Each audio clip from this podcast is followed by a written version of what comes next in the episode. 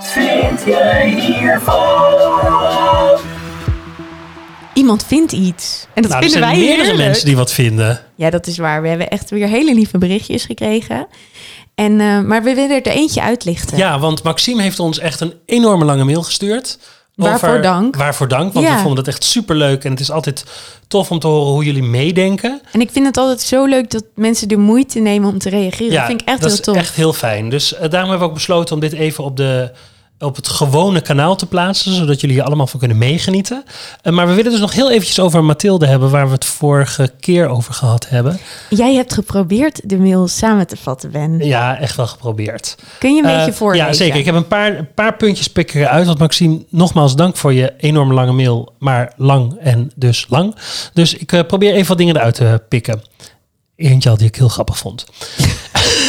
ik heb het boek als kind gelezen en de film ook. Maar dat betekende... Maar deze betekende voor mij absoluut niet wat het boek overduidelijk voor Annemiek betekende. Ja, Dus... ehm en dat eh, kan. En dat kan, tuurlijk, zeker.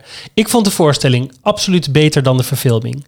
Wat ik het grote pluspunt aan de Maar dat voorstelling vonden vind, wij ook. Zeker, is dat het getheatraliseerd is. Het punt dat Benno aanhaalt over de drie speelfilms die een stuk moeten vullen, is zeker waar. En Dennis Kelly heeft in het script zeker veel vrijheden genomen. Maar ik denk echt dat dit voorkomt uit het willen creëren van theatrale aspecten. Nou, dat begrijp ik natuurlijk ook heel goed. En ehm, Ik begrijp het ook. ik ben het daar in die zin dus ook heel erg mee eens. Want je wil in deze tijd, wil je het entertainmentgehalte natuurlijk ook hoog houden. En de snelheid. Maar dit is ook precies mijn punt. ja. En dit is dus ook precies mijn... eh, het smaakdingetje waarom, waarom ik zo kritisch de vorige Ja. keer was. Ik snap het. Ik Ja. snap echt dat ze het doen. En ik snap dus ook dat ehm, voor de, de kijker van nu... misschien ook de kinderen van nu die het zien... dat dat super aantrekkelijk Ja. is. Ik denk alleen, op basis van wat ik al ken... dat het niet nodig is. Dat is echt mijn punt, wat ik eh, volgens jou een beetje te veel herhaald heb Ja, in de vorige, eh, vorige aflevering.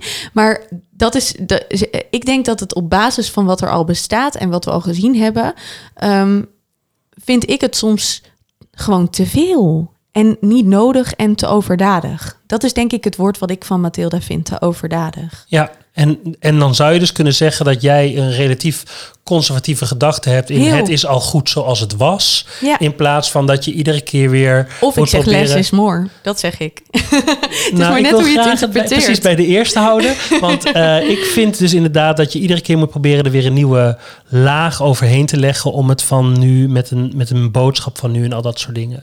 Ik ben daar het over het algemeen ook heel erg eh, mee eens. En eh, nu we ook de aflevering over Into the Woods online hebben, ehm, waarin we ook zoeken van kun je zo'n laag vinden in Into the Woods. Ik vind het altijd interessant om dat gedachte-experiment. En ik denk ook dat ik dat niet in de vorige aflevering duidelijk genoeg heb gemaakt. Ik waardeer zeker de poging. Mhm. Maar als we het gaan hebben over smaak, over het stukje eh, ik vind hier iets van, Mhm. Dan denk ik gewoon, en mijn uitleg bij de, de cake met ehm, Bruce Mhm, en ja, de cake zeker. is, is voor mij daar het beste voorbeeld van. Dat het te overdadig is geworden voor iets wat het voor mij niet hoeft te zijn. Maar dat Ja. is dus echt een smaakding. En dat, dat is weer ook waarmee we afsloten in de vorige aflevering. Ja. Van, eh, dat, dat mag er zijn. En, Ja, eh, de een eh interpreteert dat- het zo en de ander En interpreteert dat zorgt het zo. ook voor discussie. En daarom krijgen we ook weer mails. En dat is ook tof. Dat vind ik daarom super leuk Ja. dat Maxime dat zegt. Wat zegt hij nog meer? Hij zegt, eh, dit gaat over de film. Het, de grootste misser vind ik het einde. In de voorstelling is het schrijven met een krijtje het grote eindspel en de illusie waar de hele voorstelling naartoe werkt. Het wordt opgebouwd in quiet en het moment dat Mathilde voor het eerst het bekertje omgooit. Het, zal allemaal, het zijn allemaal superkleine dingen die daardoor de fantastische opbouw eh, die daardoor fantastisch opbouwt en het publiek op het puntje van zijn stoel krijgt. Zelfs de zaal vol kinderen krijgt deze voorstelling op zondagmiddag, zegt hij, ik spreek uit ervaring, stil. Ehm, Wat zeker waar is. ja, dat is zeker waar. En ik dat had een hele rumoerige zaal. Had ik dat al gezegd? Er werd constant popcorn gehaald en met popcorn gesmeten en weet ik Echt? veel wat. Ja, toen ik daar zat. Maar dat scheelt echt ook zo in je beleving. Heel. Want dan kan het opeens zo... Dan ben je zo geïrriteerd over wat er om je heen... Of tenminste, afgeleid, laat ik het positiever zeggen, door wat er in je omgeving gebeurt, waardoor je toch minder in dat verhaal gezogen kan worden. Ja. En je wil inderdaad, precies zoals Maxime zegt, ook echt op het puntje van je stoel zitten om. En dat gebeurde dus op een gegeven moment wel. Maar dan is het gewoon echt heel laat in de voorstelling dat dat Ja. gebeurt. Ja, ja en dat precies. ligt dus niet aan de voorstelling. Dat is wel belangrijk om te zeggen. Ik heb ooit, ik weet niet eens meer bij welke eh, aflevering dat was, maar heb ik het oproep gedaan om geen eten en drinken in de zaal. Ja, We zeker, zitten niet ja. in de bioscoop. Ja. Oh, wat voelt me dan elitair. als Nou, je dat bent vooral een oude vrouw als je dat zegt, maar het, is, nog steeds Nee, waar. maar ik vind het wel, want het is zo anders. En zeg maar, de acteurs hebben daar uiteindelijk ook gewoon last van. Tuurlijk. Die, die, Ja. die zien dat moet dat, je die altijd blijven dat. baseren, eh, eh, eh, realiseren. Precies. Maar het is zeker waar dat dat echt eh, in de voorstelling tot een soort van totale oh-beleving. Ja. Dat krijtje beweegt. En hoe hebben ze dat gedaan? Ja. Een beetje net als de red carpet in Aladdin. En weet je, zo heb je, al, zo heb je een aantal van die voorstellingen waar gewoon... eh, zeg maar in techniek en in decor hele toffe Ja, dingen zeker, gebeuren ja. die je niet meteen kan duiden. En dat is die magie die in Mathilda zit. Ja, dat is Ja. absoluut waar. En het laatste wat hij over Mathilde schrijft, en dan doen we daar nog een ander dingetje wat hij ook nog schrijft, is dat hij zegt, en dat is voor mij dus het mooie aan het stuk eh, en het probleem met de film, het gaat over de subtiliteit, de kleine dingen die, eh, die, de, die het juist oprecht maken en die de film eigenlijk overcompleet maken. En dan komen we eigenlijk weer terug bij wat jij zegt.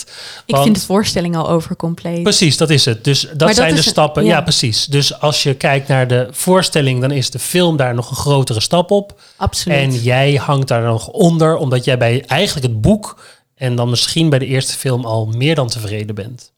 Ja, dit, eh, dit is wat het is. Ja, En ik kan het nog zes keer gaan herhalen. nee, hoeft niet, maar want ik dat vind is het- duidelijk. precies, maar ik vind het wel heel leuk dat Maxime dit stuurt. Want dat maakt ook weer dat ik dat eens ga heroverwegen. Dat ik denk, goh, maar wat heb ik allemaal geroepen? Vind ik dat nog steeds? Ja, Nee, ik je moet vind ook het naar nog kijken. steeds. Ja. Precies. Hij heeft nog één ander punt. Oh, vertel. En dat is het ding over de Lucia, Matta, Lucia Martas kinderen in de musical. Ja, dat heb jij gezegd, Ben. Zeker. En wat hij schrijft, en dat vind ik ook wel leuk, want hij heeft ook daar wel gelijk, eh, dus spreek ik mezelf nu tegen. Ik vind hieraan het onderscheid tussen de echte kinderen en de volwassen kinderen juist heel vet. In dat volwassen kinderen al verpest zijn door het systeem. Het grootste dansen, wat in mijn herinnering was wat jullie afschilderden, vind ik juist passen in deze zin. En vormt zo'n mooi contrast met dat het kind nog dromend op een schommel zit.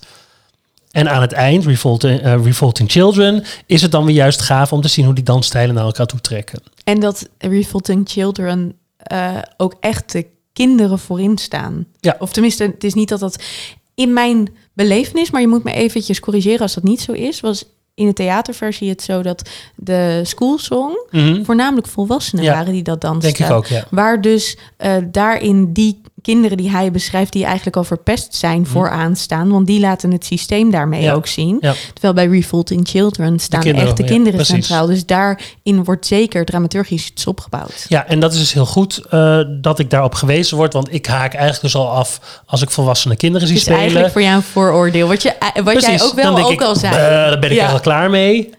En dan blijkt toch mijn ogen weer even wat meer geopend te zijn. als je dit dan leest en denkt, ja, daar zit ieder geval een gedachte. Daar kan een, want het is natuurlijk Maxime's aanname. Want ik neem aan dat hij ook niet met het eh, creative team daar gesproken heeft. Weet je Eh, niet. Nee, je weet het niet. Maar er zit in ieder geval een gedachte achter waarom je dus met twee lagen kinderen werkt, zeg maar. En dat vind ik echt super tof. Ik ook. En wat ik heel tof vind, is dit is ook het concept. Eh, Zo'n mail laat maar weer heel duidelijk zien wat ons concept is, wat wij willen maken met Ja. musical. Ik vind er iets van. Ja. Wij eh, hebben het met elkaar erover. Wij bekijken het vanuit onze professie en natuurlijk ook gewoon vanuit onze smaak. Ja. En het, we vinden het super leuk als mensen dus willen meedenken. Zo had ik echt een heel lief berichtje op Instagram ehm, in de privé eh, berichten waarin Mhm. ook stond van ik weet soms niet zo heel goed zelf hoe ik het moet duiden. Ja. En als ik dan naar jullie luister, dan ga ik er ook iets van vinden. En dan hoef je het dus niet eens zozeer met ons eens te zijn. Eens te zijn want Nee, daar streven niet we echt. zelfs. Precies, daar streven we echt helemaal Nee. niet naar. Maar we vinden het gewoon super vet om dit gesprek te hebben. Want het gaat erover dat, je, dat, dat we met, met elkaar erover nadenken om uiteindelijk musical, maar uiteindelijk om het even heel groots te trekken, cultuur in het algemeen, om, om daarin te kunnen verdiepen. En dat het niet dat dat wat anders is dan popcorn Netflix kijken. Wij hadden vorige week gaven wij samen een, soort van inleiding aan een klas voor een Mhm. voorstelling waar we samen eh, ja, aan gewerkt hebben. En eh, toen zei jij ook heel leuk, eh, als eerste opdracht zeg maar aan die klas. Het gaat mij niet eens zozeer om wat je vindt, maar meer om wat je gezien hebt. En dat is precies wat wij Ja. uiteindelijk vinden wij er wel wat van. Ja. Uh, maar dat is wat we in eerste instantie heel belangrijk vinden. Ja. Wat zie je Ja. en uh, wat beleef je? En daar willen we het over hebben. Precies. Dus uh, vind ook vooral een hoop en deel je belevingen. Heel graag. En uh, ja, doe dat per mail, zoals Maxime bijvoorbeeld. Maar het kan ook gewoon op de socials. Heel graag. We hopen weer van jullie te horen. En dankjewel voor dit extra ding. Zeker, dankjewel.